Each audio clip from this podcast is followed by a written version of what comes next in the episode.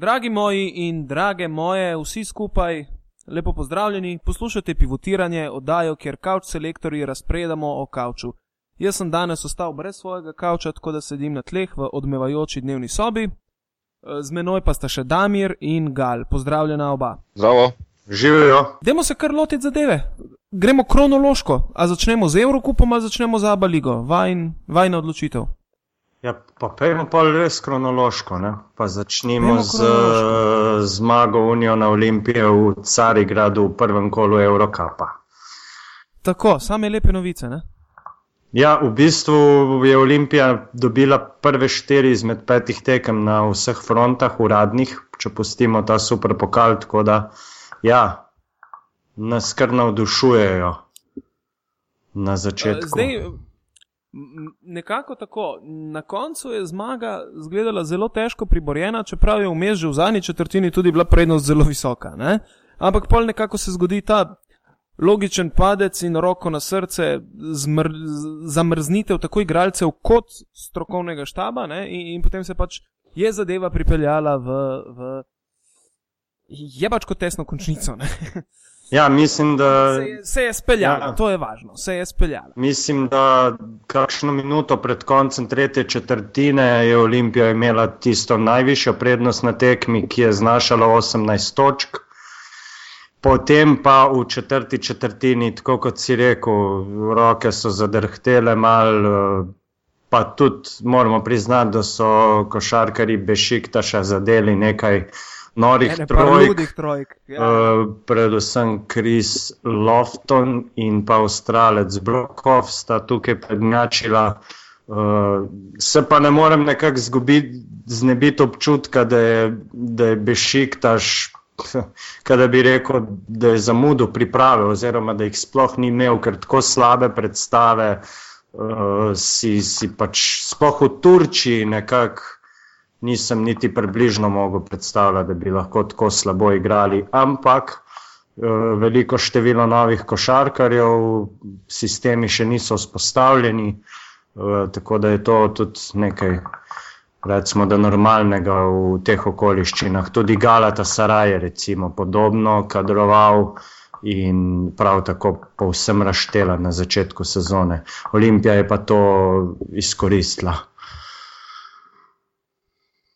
Važno, da je izkoristila v bistvu zmaga na gostovanju zlata vredna. ne.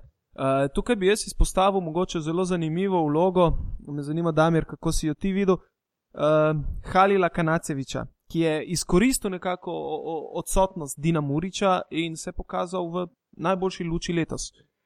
Ja, Pokazal, zakaj je bil verjetno pripeljan. Ne? Ja, definitivno. je. Jaz sem Halila spremljal že, ko je pri nas eh, v Evropi podpisal za Romo, uh, za Rim in uh, tudi sem si ogledal nekaj posnetkov, ko sem slišal, da se pogovarjajo in pregovarjajo, da bi se lahko pridružil Olimpiji. Uh, to je srčen igralec, ki, ki dejansko ima tudi možnost uh, več pokazati, kot je recimo temu visok, če se lahko tako izrazim. Dejansko njegova višina niti ni nekaj posebnega, lahko bi igral tudi trojko, če bi bil recimo bolj uh, sposoben na tem položaju igrati, ampak je pa močen Če in bi bile noge malo hitrejše. Ne? tako, tako. In tudi predvsem uh, ta njegova srčnost in borbenost, ki se jo pa definitivno se tega nalezeš na, na univerzah v Združenih državah. Uh, so dejansko tiste, ki, ki, so, ki so pripeljali do tega, da je tukaj pokazal pa skoraj najboljšo ali pa kar najboljšo predstavo v tej sezoni.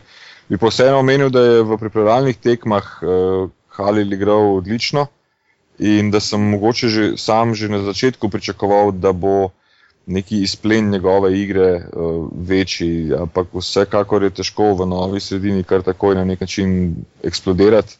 In sigurno je potreboval in še potrebuje, ne samo do zdaj, ampak še potrebuje čas, da se popolnoma sprosti in eh, do konca uigra s to ekipo. Ne. Tako da, ja, izkoristil je samo druge, druge, tako ali tako ni. In to je tudi uh, ta sistem, kogar ni, njega je treba nadomestiti in tam imaš možnost ali plavati ali pa se potopiti. In dejansko je Kanacevič uh, splaval in mislim, Splaval, Ja, in da bo. Da bo za, za Olimpijo čist dober do konca sezone. In to, kot si rekel, da z višino bi, bi lahko igral recimo na položaju krila, mu pa ravno to na položaju krilnega centra je nekako njegova konkurenčna prednost, ker je pokazal predvsem na tej tekmi nekako cel spektr saj napadalnega nekega arzenala.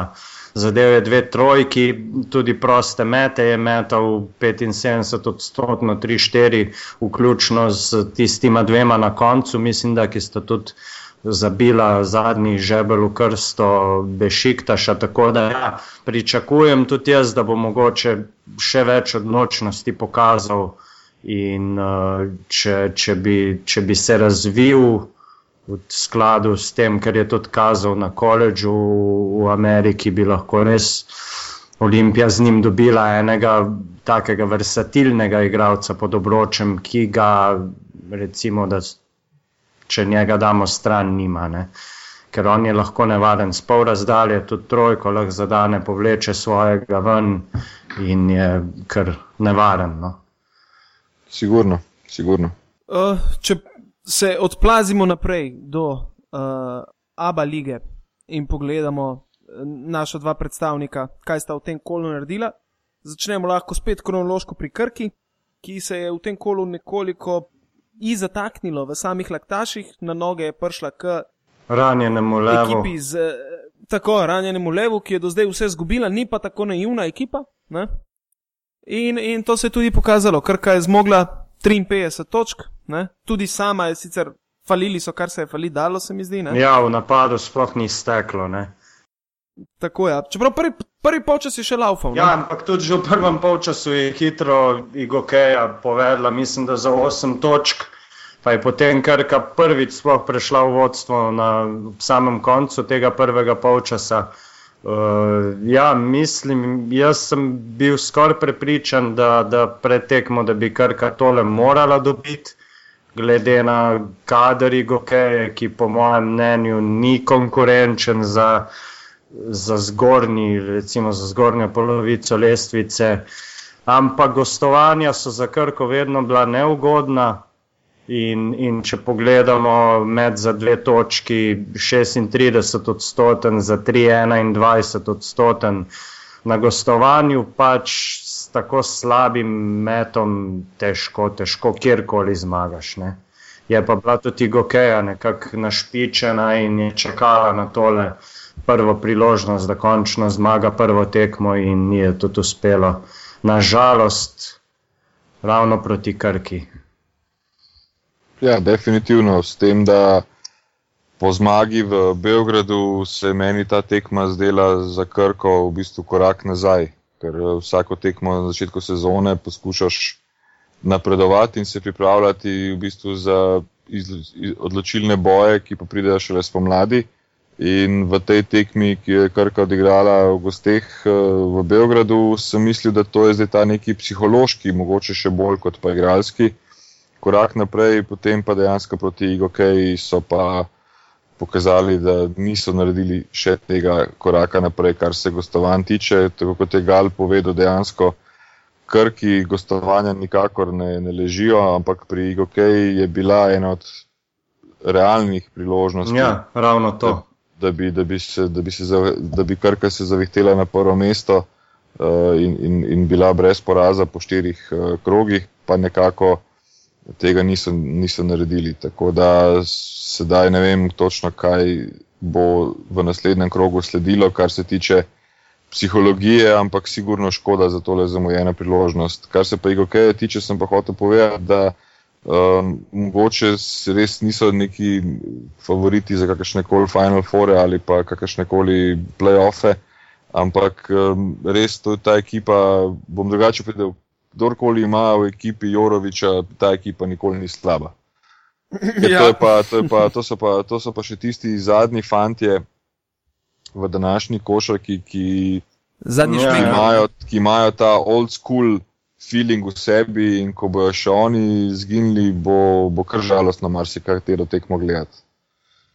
Ja, pri Krki je tudi prvič letos na nek način odigral nekoliko slabše če temu sploh lahko rečemo, z 14 točkami, ampak metom iz igre le 5-15, eh, Malcolm Armstead In uh, jaz sem pričakoval, čakal sem, ko sem gledal tekmo, kdaj bo on recimo povlekel tisti voz, ki ga zna, s kakšno dvemi zadetimi trojkami, trojkama, ampak mu, mu ni bil neki baš solidni dnevni formi. Tako da dejansko Krka ni imela tistega razpoloženega igralca, ki bi potegnil voz naprej. Prej je to bil Armstead, tokrat je nekoliko zatajil, ampak uh, nihče ne more se, vedno. Ne.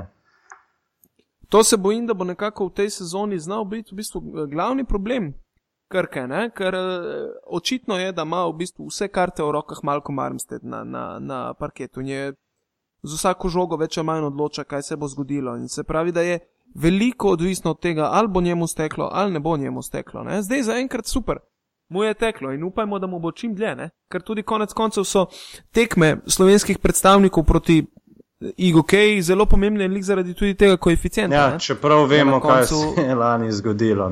Ja. Tako, Dobro, da, ja, ampak upajmo, ja. upajmo, da se ne bo dvakrat. Ne? No, jaz bi omenil na tej tekmi ena, en drugi statistični podatek, ki je za mene alarmanten, oziroma je treba takoj spremeniti način uh, razmišljanja. Uh, Neboša Joksimovič v 30 minutah dva meta v, iz igre. Ja, ja. Ja, vse vemo, da Neboša ni, ne slovi po tem, in to je tudi ena njegovih boljših kvalitet, da ni ogromen porabnik žog v smislu metov na, na, na, na koš, ampak od tako izkušnega igralca, ki je že marsikaj dal skozi v svoji košarkarski karieri v Abu Leiji in tudi pač v tujini je dejansko, da je ekipa naredila za njega, ali pa si je moral celo izboriti sam dva meta v 30 minutah igre. Uh, v bistvu, poleg Krisa Bukerja je bil človek z drugo najvišjo minutažo na tekmi. Uh, pomeni, da, da ekipa ni poskrbela za to, bodi si od trenerja naprej, niso poskrbeli za to, da so igralce sploh vključili v, v, svoje, v svoje napadalne scheme. In to igralce, ki ni tam bom rekel, neki eh, mladinec, ki je dobil šest minut, ne pa zdaj mogoče bo enkrat uspel vrč na koš ali ne, ampak eh, nekdo. Če si sam vrži. Ne? Tako, nekdo, ki je bil pripeljan kot okrepitev, kar dejansko tudi je. Ne? Ja, mm. da ni, upam, da ne bo podobno kot recimo lani pri Olimpiji. Ne? Vemo, za kakšnega igralca gre, da on ni nek uh, napadalni vodja, ki bi nekaj reševal v napadu. Ne? Uh, tako da No, ampak, Upam, njegova, ampak je pa igralec, ki, ki začini igro na točno to. Njegova, ja, njegova, sposob, njegova sposobnost je ravno v tem, da se je v večini svoje kariere zelo uspešno prilagajal različnim sistemom igre in v vsakem sistemu igre je za sebe na tak ali drugačen način uh, poskrbel namenoma ali ne namenoma, da je prišel porka duš do petih metrov na tekmi. Bodi si, da je bil to prodor, bodi si, da je bil to da je bil sam na, na, na, na šutu za tri točke. Ne? Ker tudi v tej tekmi proti OK, zdaj težko bi šel zdaj prav po filmu gledati nazaj, v katerem momentu je to bilo, ampak sem prepričan, da je v 30 minutah uh, ne bo še bil vsaj enkrat dovolj odprt na metu za tri točke. Ne? Pa vidimo, da ni niti enkrat tega izvajal. Ne? Tako da njega je treba vključiti v, v igro. Vem, da je tudi imel neko poškodbo, uh, nedavno, ampak uh, vseeno treba ga vključiti v igro, če hočejo uh, pri Krki, da, da imajo tudi v končni fazi boljši spacing in boljši uh, tako zvani protoklop, te bi rekel, žile. Ja. Bomo videli, kako se bo to v, v prihodnosti razvijalo, kakšno vlogo mu je dejansko žile namenil. Ne? Mislim, da je dovolj inteligenten trener, da, da vidi take zadeve in, in da ve, na čemu mora delati. Ne? Ja, se strinjam. Uh, ok, gremo naprej do cukrčka v tem kolu. Damir, tvoja olimpija je premagala tvoj partizan. Točno tako. Se smem tako izraziti. Absolutno si zadev. Tako da, kolikor si bil vesel, toliko te je tudi pogodilo. Naj, najlažja tekma sezone. Ja, kdorkoli zmaga, si vesel. Točno to. Ampak zraven pa kdorkoli izgubi, je pa deprat, tako da je bi. Ja, ja. Schizofrena slika. V glavnem, ja, e, kot se je že veliko povedalo o tem, najviše zmaga Olimpije v, e, nad Partizanom v zgodovini Aba. Še 10 sekund pred koncem je bilo čez 30 točk razlike, ne? potem na koncu je Partizan le omilil ta poraz. E, zdaj pa če pustimo za začetek hvalnice in sami igri in vsemu, ki je teklo roko na srce brezkompromisno in, in, in uh, skoraj da perfektno za ta stadij uh, sezone, pa pustimo v tem, kakšni situaciji je Partizan, kdo je za vaju bil nekako faktor presenečenja pri Olimpiji? Ja, mislim, da se bomo kar oba z Damirjem strinjala, ker smo bila skupaj na tekmi in, in sva se tudi vmes in po tekmi pogovarjala, Blaž Mahkovic, tako ali pa drugače. Mislim, da tle smo vsi tri eno. Ja. Pa, pa ne sam zaradi, ne, mislim, ne zaradi 19 točk in tistega koša, sploh ne. Uh, fant je ukradel štiri žoge, Dve, to, to. dve sta rezultirali v kontro, mislim, da je eno celo sam zaključil z zabijanjem. Zadev je dve trojki, uh, mislim, never, neverjetno za igralca, za katerega vemo, da pred to sezono sploh še ni okusil nekega resnega mednarodnega košarkarskega nivoja. In uh, mislim, da želim si, da, da, da bi v tem stilu nadaljeval, da bi dobil neko mesto v tej ekipi. Uh, da bi dobival minutažo solidno, ker je hvaležen, ne sili preveč, vzame si tisto, kar si priigra, kar mu ekipa preigra, ne forsira in mislim, da, da je Olimpija z njegovim angažmajem ogromno profitirala. Uh, Se strinjam, v bistvu ima bistveno večjo vlogo, kot jo je imel lani pri zmagu, zmagu v Heljasu, ja, kolikor sem spremljal ja. zadevo. Ja, jaz bi tukaj še nekaj dodal, ko si ti najc rekel, da se vsi trije strinjamo. Um, ti si omenil, kdo je bil faktor presenečenja. Edino tukaj se ne bi strinjal za mene, Mahovic, ni, da ni bilo presenečenja. Ni faktor ne? presenečenja. Ja. To je njegova realna sposobnost v tej uh, ligi. Predvsem za ljubitelje in naše poslušalce, sigurno je nekdo od njih tudi bil na pripravljalni tekmi uh, Olimpija Igokeja. Mm v kateri mislim, da je Mahkovic, če smo že samo pri točkah, dosegel 17 točk, ampak tudi imel uh, nekatere poteze, ki so bile vidne sedaj v nedeljo proti Partizanu. In uh, dejansko za mene osebno ni presenečenje, je pa to fant, ki tako dobro igra, kot ga ekipa zna izkoristiti. Se pravi, če ga daš na, stra, na stranski tir, pač ne bo toliko naredil, kot, uh, kot če ga imaš involviranega uh, v igro. Tudi iz časov, še ko je bil pri Škopi Loki in druge, on nikoli se ni izpostavljal kot uh, prva napadalna opcija ali pa v nogometnem žargonu daj lopto jaču, ne? ampak je vedno, ja. vedno bil tisti, ki je razumel uh, svojo vlogo in v bistvu čeprav ni najmlajši, ker je 24 let star, eh, dozoreva. In nekateri igralci dozorijo eh, prej, nekateri dozorijo kasneje, ampak dozoreva predvsem. To, po igralskem stažu je on v bistvu mladi igralec. Tako, tako, tako po letih mogoče ne, eh, tako da jaz ga ne bi sploh označil z nekakšnimi floskovami, ki jih imajo radi slovenski novinari, ko 27-letnike kličejo, da so talenti. Uh, Uh, za mene ni talent, je igralec zgrajen, je pa sigurno umsko, uh, absolutno talent še večji postal sedaj, ko smo opazili, če se je sposoben. In uh, nekdo me je na Twitterju celo vprašal, uh, ali, je naša, ali je to lahko naša nova reprezentančna trojka.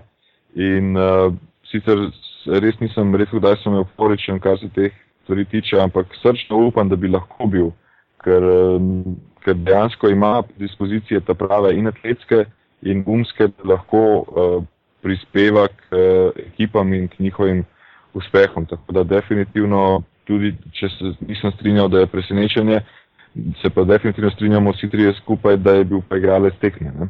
Ja, in tudi, uh, in tudi kot izven parketa no, deluje dokaj zrelo, ne obremenjuje se statistiko. Uh, tako da mogoče je glih to dobro, da je, da je šele pri, pri 24 letih prišel na ta nivo, ker ni obremenjen. Ne? Recimo nekdo, ki z 19 leti pride v Olimpijo skozi velika vrata, vemo kako je. Ne? Uh, pri njemu pa mm. tega ni, mislim, da tudi ne bo tako, da bo zadovoljen z, z kakršnokoli vlogo in ja, mislim, da gre za izjemno hvaležnega igralca, pa tudi eden takih je tudi Gregor Hrovat. Sta si kar podobna. Absolutno. Hrovat ja. je sicer štiri leta mlajši, ampak tudi on nekako ne sili v spredje. Hvaležna sta no in upam, da, da, da bosta nadaljevala v tem slogu. Absolutno, v bistvu zelo hvaležni in zelo dobri ukrepitvi iz domače lige, seveda oba sta dala skozi delo starega lisjaka, ki je zdaj spet prost. Uh, tako da upam, da se bo, čeprav je lani napovedal slovo od slovenske lige, upam, da se bo vrnil v slovensko ligo in, in še malo koval neobdelano železo. Ja, definitivno. definitivno. S tem, da eh, že poleti, ko se je ekipa Olimpije sestavljala, um, včasih izpade floskula, ko ekipe hočejo navijače pritegniti nazaj na ta, skozi ta način, da govorijo o tem, da bodo pripeljali domače igralce, s katerimi tako. Ja. V tem primeru letos, eh, čeprav sem Olimpijo že v preteklosti kdaj slišal, da govori o tem, letos z izbiro Hrovata in z izbiro Mahkovica se absolutno strinjam. Fanta sta domača, fanta sta srčna.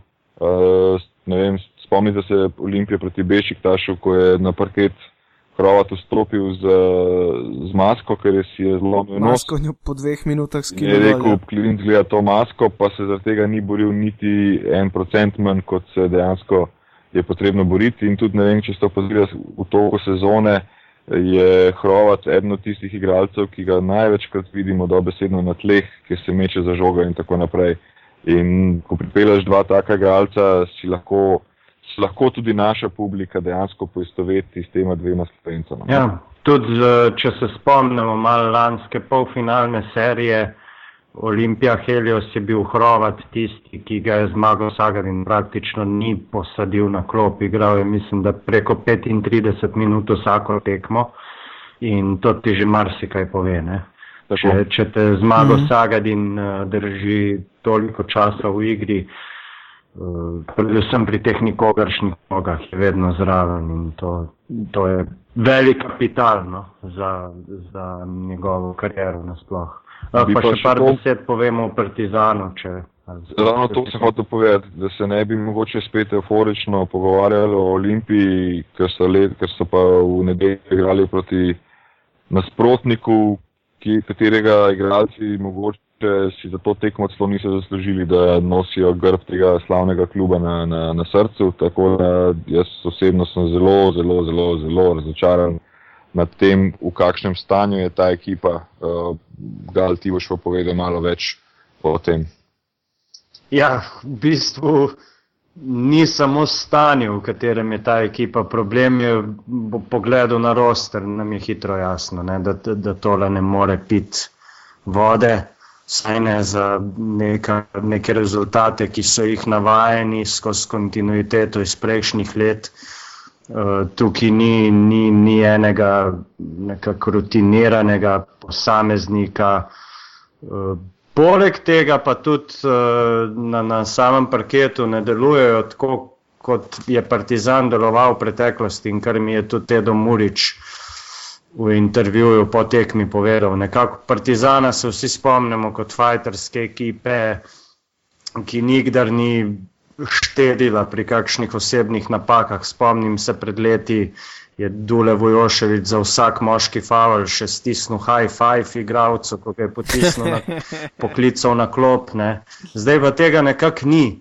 In tudi, kot sem prej rekel, Edo Murič mi je rekel, da dejansko beži od kontakta, Eh, da, da, da na treningih sicer zadeva laufa, ampak da se na tekmi nekako skrijejo.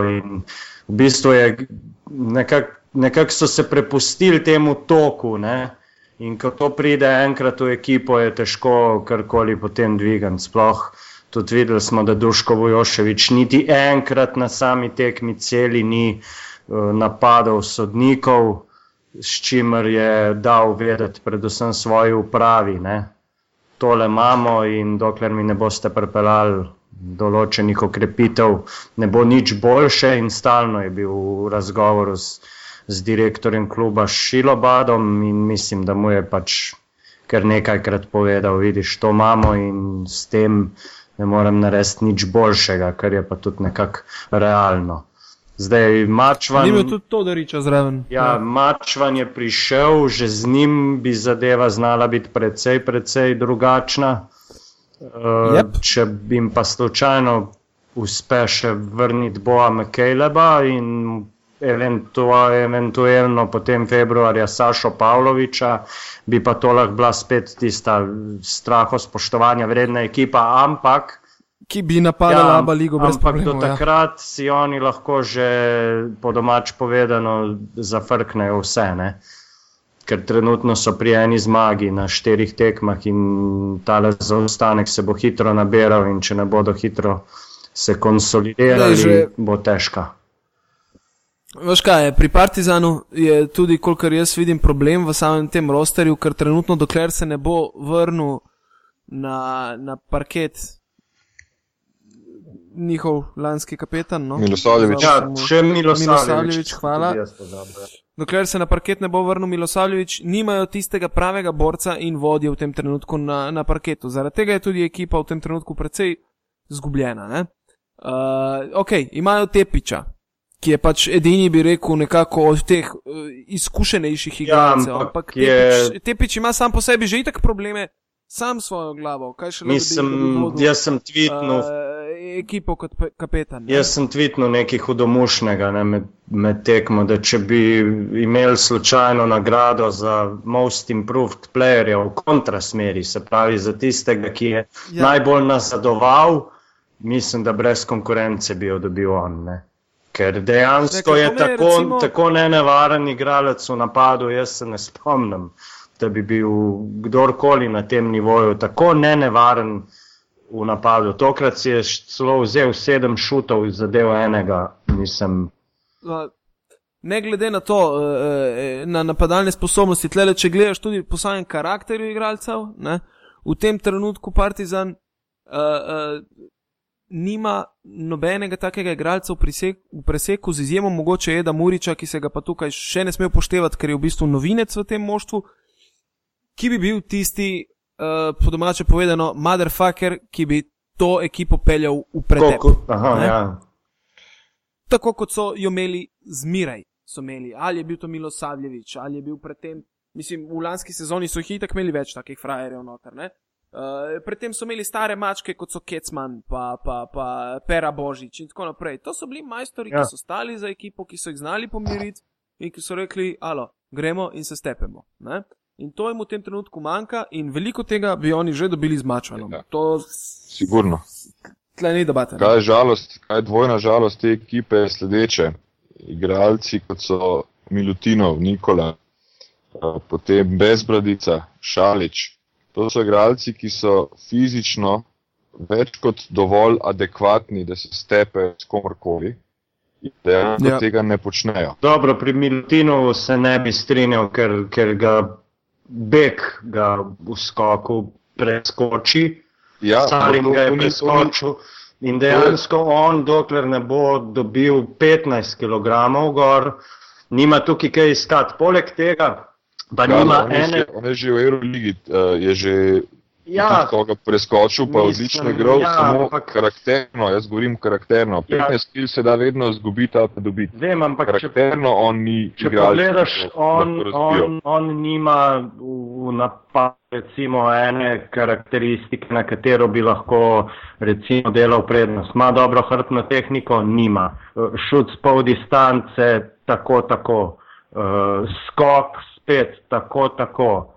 Mislim, on ni, ni, ko ga primerjaš s katerim koli centrom, nima neke prednosti, kar se je pričakovalo. Govorilo se je in tudi jaz sem mislil, da bo izmed trojice Gagič, Muslim in Lutinov ravno on tisti, ki bo nekako lahko recimo tudi potrkal resno na reprezentanco ali pa naredil kakršno koli kariero, ampak od lanske sezone oziroma od, kada, od kar je v Partizanu, ni naredil koraka naprej in isto ga niste naredili Gagič niti Musli.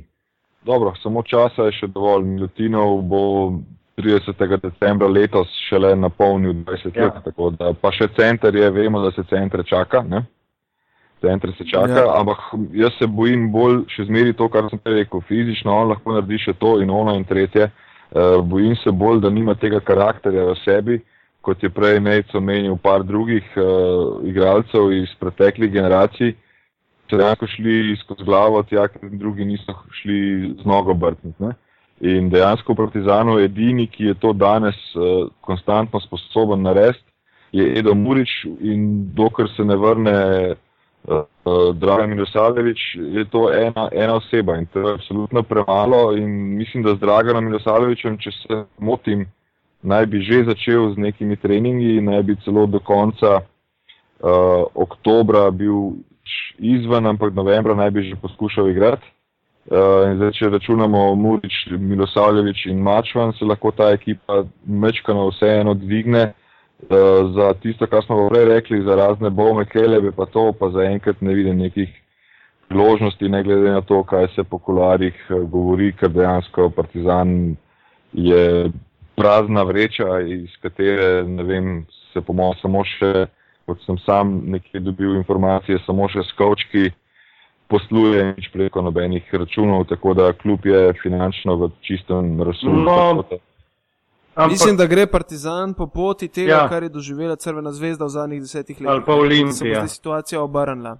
Ja, in uh, še zmeri pa, pa sicer povdarjajo v klubu Edo Murič, mislim, da ga lahko citiram, je rekel, da Partizan ni prišel nihče služiti denarja, to je neka floskula, ki jo poslušamo že nekaj let nihče ni prišel služiti denarja, živimo lepo, čeprav plače niso redne in ni pritiska, kdaj bo plača, kdaj bo plača, ampak je pritisk, kdaj bo zmaga. Tako da ne vem, mislim, ja, da klima v ekipi ni na nekem zavidljivem nivoju. No. No, to se strinjam, samo dejansko tukaj edino se ne bi strinjal, to res ni floskola. Um, koga si pa ti od, od, od današnjega dneva v zadnjih ajde rečemo, odkar so države naše vse samostojne, koga spet ti videl, da je šel dol za to, da bi prišel nazaj z milijoni. To, ja, teh, teh to ne, ampak se zadeva obrača, ne? Davis Bertans, Dušan Kej. Ne, ne, ne, ne, nisi me razumel. Nihče ni, nihče ni ja. prišel v Partizan podpisovati življenjskih pogovorov. Ne, to ne, ampak nihče pa tudi ni verjeten prišel igrati za dobrodelne namene, ne, praktično. Ne. To se je zdaj, to se je zdaj odprlo, to, to je tisto, kar kaj govori o klubu. To se je zdaj odprlo, ker klub po dolgih letih ni član Eurolige.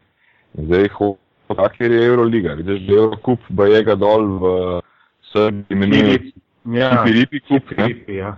ja, uh, se pravi, igralci. Kako, kako ga imenuje? Cipiripi. Ja, Cipiripi, ja. Eurokrem. Ja. ja, no in to je čisto preprost, da igralci pač danes hočejo hitro priti do najvišjega nivoja tekmovanja in se tam dokazovati, ampak spet z namenom podpisa dobre pogodbe v tujini. Druga stvar, ki je pa zelo uh, enostavna v Srbiji, kakorkoli se sliši komplicirano, tisti, ki je na oblasti, tisti klub profitira. Trenutno so na oblasti ljudje, ki pač eh, porivajo crveno zvezdo, ampak v preteklosti so bili na oblasti ljudje, ki so jasno porivali partizan. To pa pomeni sponzorska sredstva državnih podjetij, ki so pač uh, naročena, koliko morajo biti in skladno s temi poslovanje kluba. Partizan bo toliko eh, finančno v minusu in še slabše posloval, dokler bo trenutno njihova oblast na oblasti.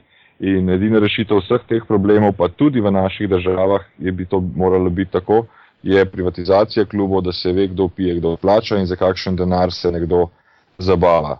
Eh, ja. Ne, pa da, ne pa da moramo doživljati, da pride igralec igrati v Partizan, pa potem čaka da ga pokličajo, kdaj mu bodo nakazali, kar je zaslužil, potem mora preko stotih sodiščit, pa še potem na koncu, ko svoj zaslužen denar dobi, ga še kljub popluva. To čeprav, pač je. Čeprav ne glede na to, katera struja je na oblasti, moramo reči, da od države še zmeraj dobijo oboji, ne glede na to, ne glede na to, kdo je na oblasti.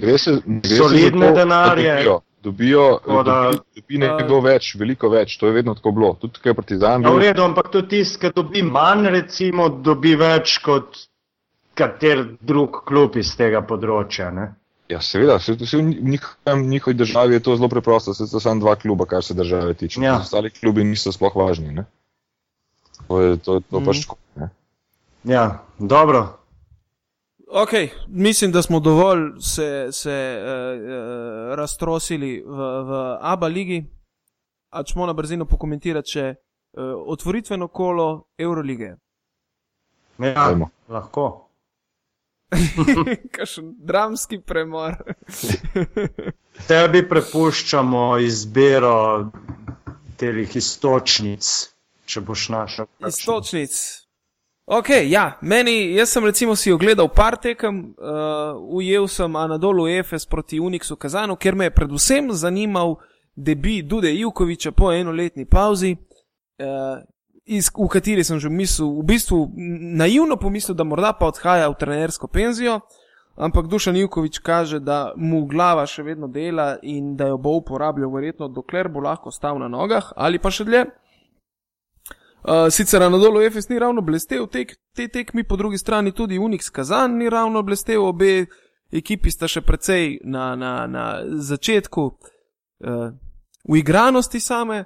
Uh, najbolj me je zanimalo, uh, ker se je par dni predtem pojavila uh, kvazi afera z Šaričem, kjer je njegov oče Predrag Šarič zagnal cel dar mar po medijih, da dve tekmi njegov sine ni igral in da ne, vem, zakaj je, ne ve, zakaj ga je sploh Duda dol pripeljal.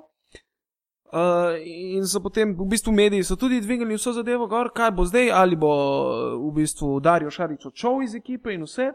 Jaz sem se pa spomnil tudi enega drugega primera. Mislim, da iz časov, ko je Dušan Jukovič bil coach v Dinamo Moskvi. In je imel, joj, a mislim, da je imel foci sa sabo. Ja? Mislim, da je imel foci sa sabo v, v Moskvi, uh, ki je bil tudi takrat zelo mlad igralec in v začetku sezone tudi ni igral.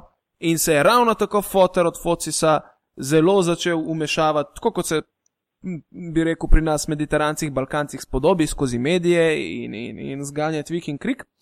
Na kar mu je takrat Duda Jukovič sam dal vedeti, naj bo tiho. Na koncu tiste sezone mislim, da so Dinamo Moskva zmagali eh, Eurocup in eh, Focis je bil med glavnimi igralci na zaključnem turnirju. Ne?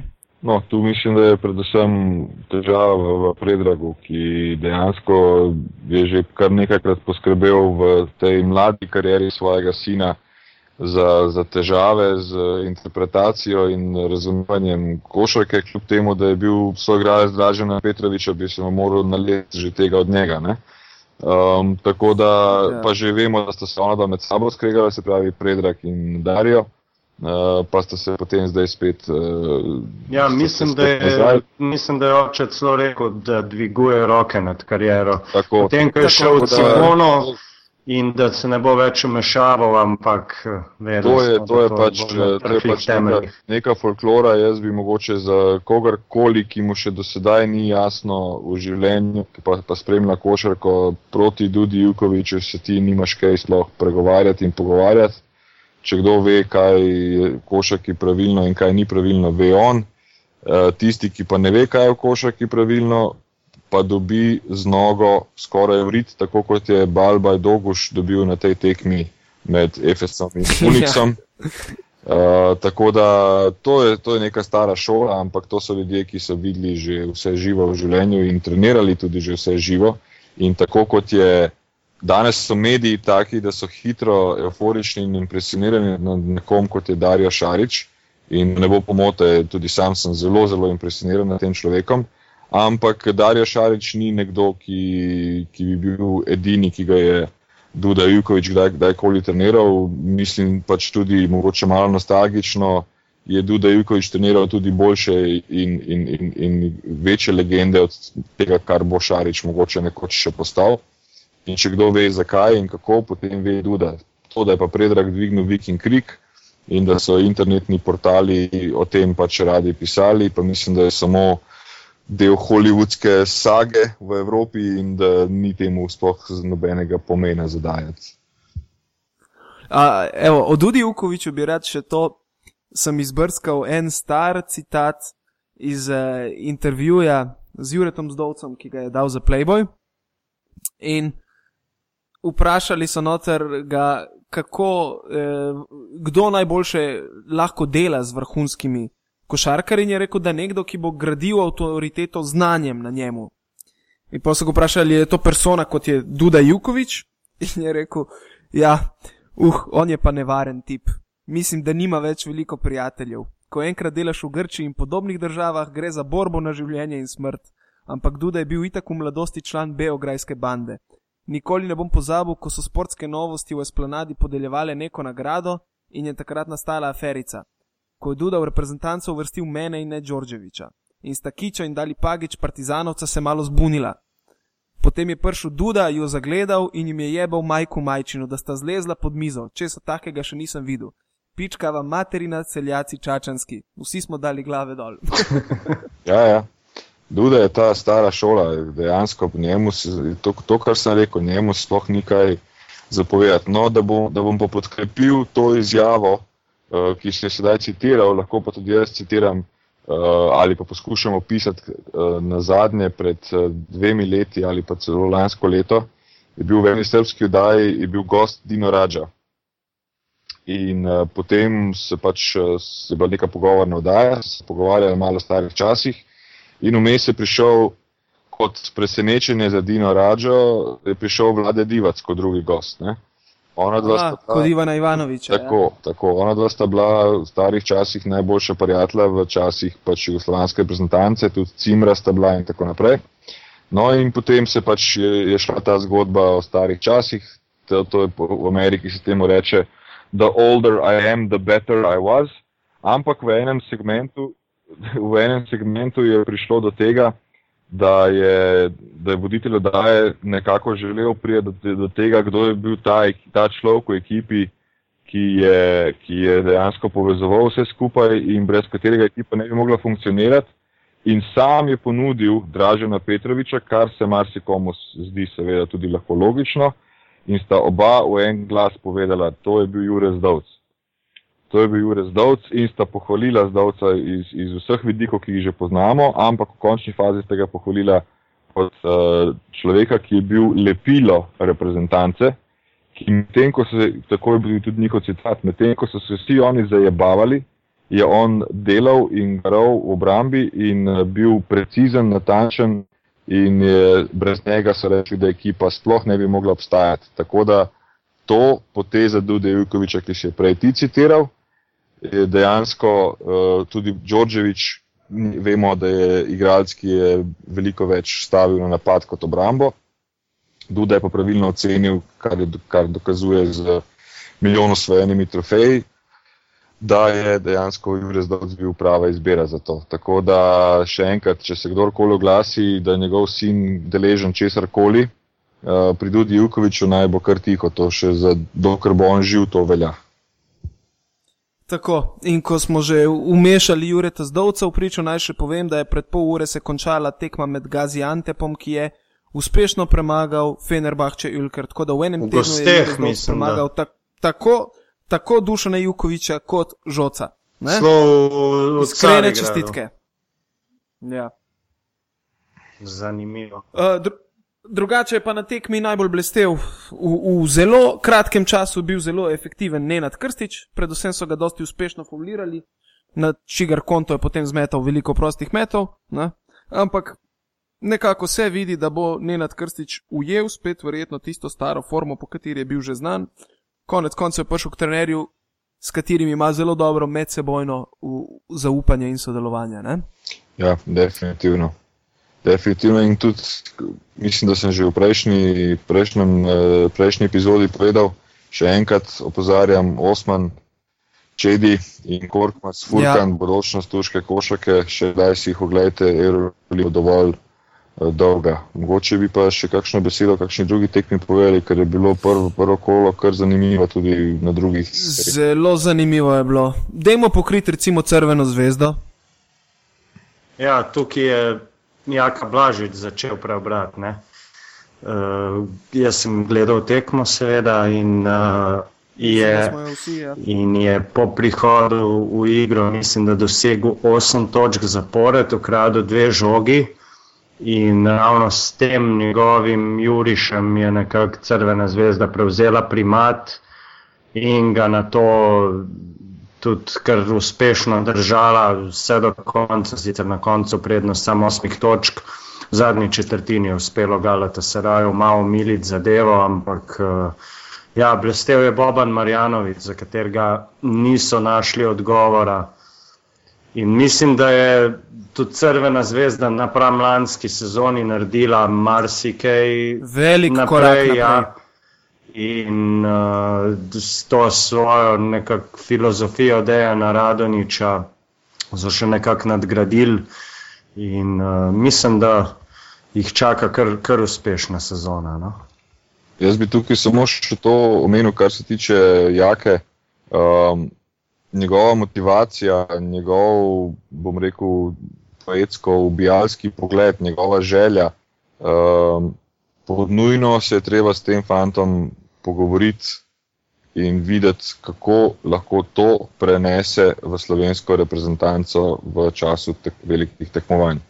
Ker uh, verjetno ne bomo nikoli izvedeli, kakšen kratek stik je bil na letošnjih pripravah in potem svetovnem prvenstvu, ampak takega Jako Blažiča uh, mi dejansko potrebujemo, bazen se nam oža in tega fanta je treba v reprezentanco dobiti nazaj pod takimi pogoji, da igra dobesedno tako, kot igra pri Crveni zvezdi. In kaj bo tu ljudje naredili, se so tukaj veliko, veliko bolj poklicani drugi ljudje, kot da jaz pametujem, ampak nekaj je potrebno narediti, ker samo tak jaka nam dejansko lahko dela razliko. Jaka, kot smo ga imeli pa na svetovnem prvenstvu na pripravah, pa sem osebno, kljub temu, da se marsikdo zgraža, sem pa osebno na mnenju, da ga niti ne rabimo. Za tiste dve točki, pa za tistih štiri minute igre, mogoče že spet lahko nekdo drug potrka na vrata reprezentance, ki je star 19 let, pa se ga splača vlagati v njega. Ne? Mora to ja, agresivnost. Škoda njegove energije in samozavesti. To, to, to agresivnost, to, to, to krik, ki jo ima v očeh, dobesedno, ko prije na teren, to mora prenesti na slovensko reprezentanco. Res je, da mi nimamo vem, vročekrvnih deli, ki te nosijo po rokah, ampak eh, lej, naš si slovenci, radi te imamo, moraš nekaj delati tudi v slovenski reprezentanci na ta način. Jaz, ne vem, jaz recimo jako eh, pri zvezdi, njego, njegova vloga je v bistvu zelo enostavna. Ne? Uh, zelo zahtevna, ampak istočasno tudi zelo enostavna. Zmeraj vstopi iz klopi, ve se, da mora prenesti noter to, dobedno svežo kri, ne? Ve se, zmeraj na vsaki tekmi, bo, sploh na teh velikih, bo naredil kakšen neumen faul na svoji polovici, to, to je že všteto noter, bo pa imel za to tri ukradene žoge, dva kucanja, dvignil bo na noge dvorano in eno žogo bo vmes še v napadu vrgel malo v avt. Ampak te dve, tri žogice, ki se tako vmes kaj zabušijo ali pa kakšen neumen faul, to se mi grede pogleda skozi prste, zato ker je pa energetsko v tistem trenutku on dvignil ekipo na tak nivo, da se to bistveno bolj poplača. Ne? Tudi v samem plus-minus retju pridejo tiste izgubljene žoge zelo hitro na pozitivno bilanco z njim. In, in njemu je ta vloga očitno kristalno jasna, nima, nima ego problema z njo, nima nobenega ego problema, da vstopi iz klopi, zato ker ve, da ko vstopi iz klopi, je dodana vrednost. Majstori, pozdravljeni, pavijani, prišel sem vam objasniti nekaj stvari. Ne? To je njegov stavek, ko leti noter. Ampak ta stavek mora ponoviti tudi, ko ga da Jurek Zdovcu igro. Ja, sigurno. Sam... Zdaj je vprašanje, kdaj se boste ujeli. Jaz mislim, da je samo vprašanje časa, kdaj bo zadeva kliknila, kot je treba. No? Ja, morala bi. Tudi za voljo tega, da bi mogoče kdo požrl, kaj okay. enostavno je treba najti v mestu. Tako kot Le, je tam. Se, se mogoče, veš kaj, Mogoče delamo iz muhe slona, sej sta že oba povedala, dejansko niti ne vemo, zakaj je šlo. Mogoče pač enostavno ni kliknilo, včasih iz prve ne klikne in jebeš ga. Ne. Ja, ne, ne, sej, ampak le, naslednje leto je, je nova runda prvenstva, za mene osebno je vedno na nek način žalostno, ampak resnično Evropsko prvenstvo je bolj pomembno od svetovnega. Um, tako da morate se vedeti, to tukaj bi jaz mogoče piko dal na, na Jako Blažič, morate se vedeti takrat, ko veste, ne znate. Ne?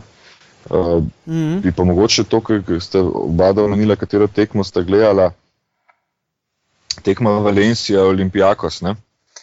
Uh, še enkrat pa mislim, da, da sem tri milijonti, ki je to rekel, Vasilis Panulis je doktor košarke. To, Bogotac si tudi rekel. Bogotac in to, to, to govori grobar, klede, ne morem verjeti, ampak to je resnica. To, to je človek, ki, če mu bo Bog dal sreče, zdravja, bo lahko še pet let na tak isti način prišel. Upam. Vsakič daleč. Resnično upam. Vsakič bo prišel daleč v Euroligi. Tako da tudi mladi, če, če poslušate to, gledajte, kako igrajo nekateri, ki so dali že vse skozi, pa, pa znajo.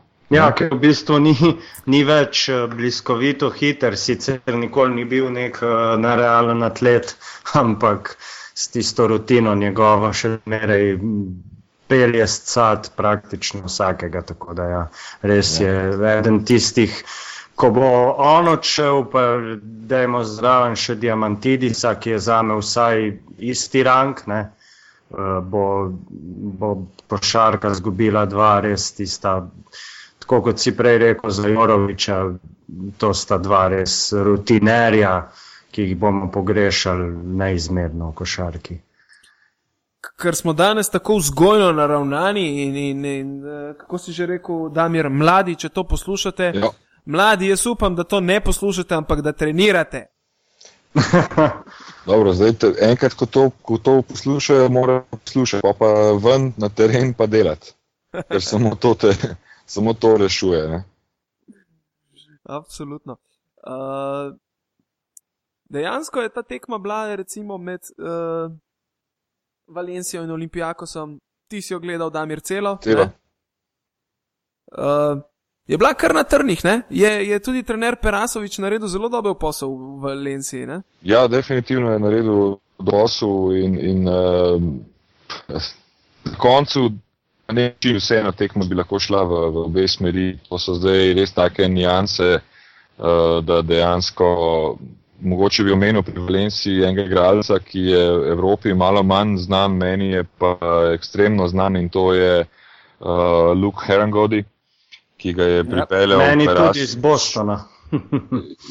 ja, no, pa potem je igral pa celo leto v Clevelandu in dejansko je, uh, mislim, da produkt Notre Dame in je tudi bil v najboljši strelec pri Valenciji z eno tako dokaj neusiljivo igro.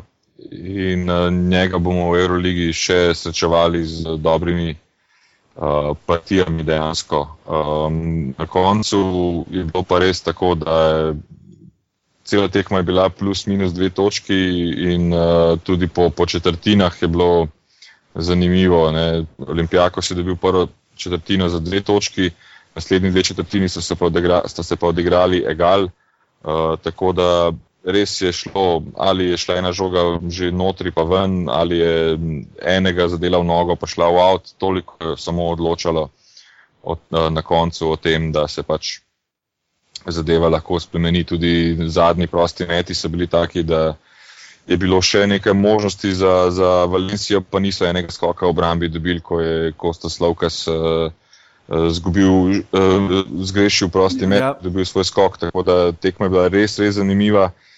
Kar se tiče pa samega Perasoviča, to je pa tudi že trener, ki bo počasi spadal v rutinerje. Pri njemu sem pa edino to žalosten, da se mi dosti krat zdi, da ideje, ki jih ima on in filozofijo, ki ima on in želje, ki ima on, ni ravna nekaterim igralcem, ki jih je on imel v različnih ekipah, ki jih je treniral. Ne. Da se enostavno uh, Perasovič zasluži veliko, veliko boljše igralce skozi svojo trenersko kariero.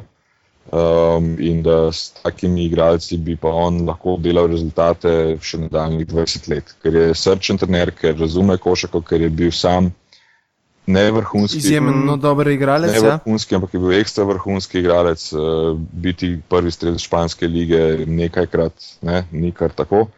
In uh, se mi zdi, da je nažalost imel preveč neke, neke smole z nekim kadrovanjem, ki je verjetno tudi neka posledica mogoče njegovih lastnih napak ali pa slabih ocen, ampak uh, za njega še ni pozno, to je še človek, ki lahko še marsikaj naredi v v Euroligi se pa je v Valenciji, se zdi, kar malo našel in tam, če bo vse normalno, preživel kar nekaj časa. Ja, vse mislim, da je naslednja logična poteza, vsaj tako jo večina teh košarkarskih poznavalcev, boljših in slabših, napoveduje, da končno prevzame hrvaško reprezentanco.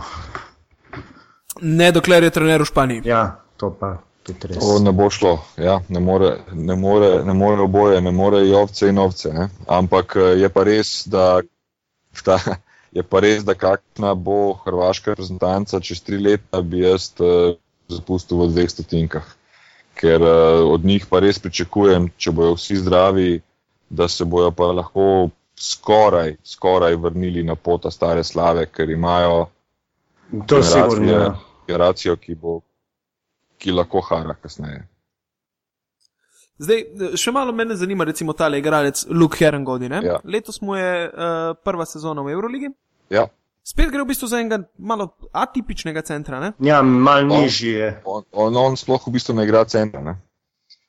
Um, imenujejo ga center, pišejo mu v profilu center, ampak on igra vse drugo kot centra. Ne? In uh, bolj se znajde z uh, igro, kjer določene odpadke pobira, uh, agresiven je na, na skoku, uh, zna se pretepati, tudi dovolj uh, je fizično močan. Um, in pa seveda svoj, svoj prostor, operativni prostor širi tudi na, na, na, na trojko, tako da mogoče mu piše center, ni pa center. Prej bi rekel, da je krilni center. Mogoče bi ga primerjal, če ga lahko primerjam s komorkoli, evo, bi ga primerjal z Halilom Kanacevičem. No, nek podoben profil igralca so pa tudi izgubili uh, z Justinom Delmanom, ne, ki je odšel Ja. v Barcelono. V Barso. Ja. Tako.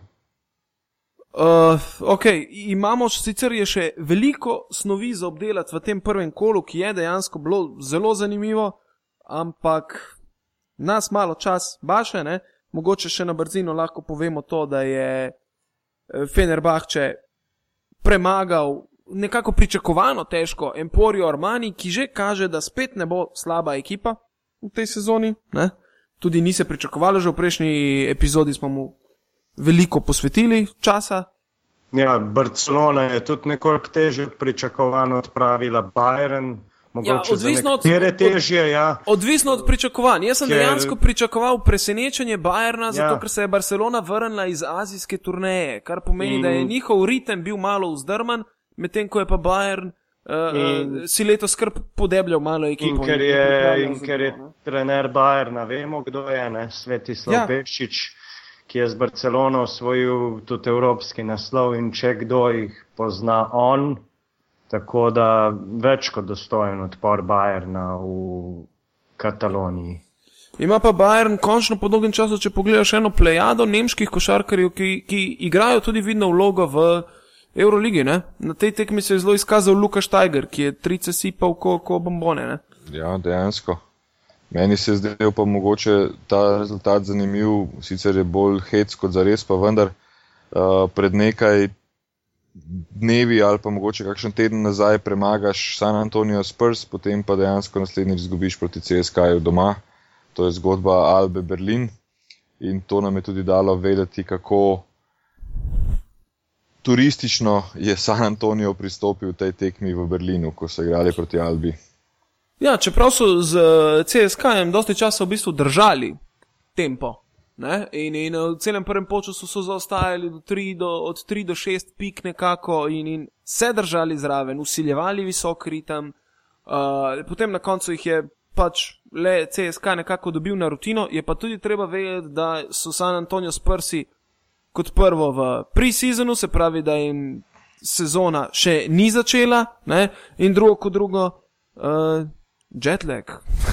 No, ja, samo so bližje nekaj časa tam, niso bili prvi večer. Druga stvar je to, da je tista zmaga Albe, mislim, da je bila še tretja v zgodovini, da je, ne, da je klub, ki ne igra v NBA-ju, premagal NBA klub. Um, zadnja stvar, ki se pa meni zdi vedno hecna, je pa sledeča. Uh, motivacija ameriških igralcev, ki igrajo v evropskih uh, ekipah, ko igrajo proti NBA-ju, je, Je na tak- izjemna, je na ja. takem, Ja. je na takem nivoju, da bi jih morali njihovi evropski delodajalci kaznovati, če nimajo take motivacije vsako tekmo, ko igrajo v Evropi. Ja, zdaj sem se spomnil na tekmo Lakersov pred leti in Barcelone, ki je bila. Ja.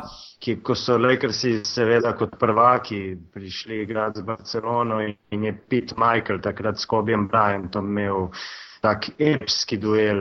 Mislim, Mhm. da sta oba dosegla tam okrog 30 točk in po tekmi mu je dejansko zelo Kobe Bryant nekaj provociral Pita Michaela, češ, če do zdaj nisi imel šanse, probaj zdaj prideti v NBA. No, za Pita Michaela vam pa jaz povem en ekstremno zanimiv podatek. In sicer zbrskal sem ga danes in se mi je zdel prav neverjeten.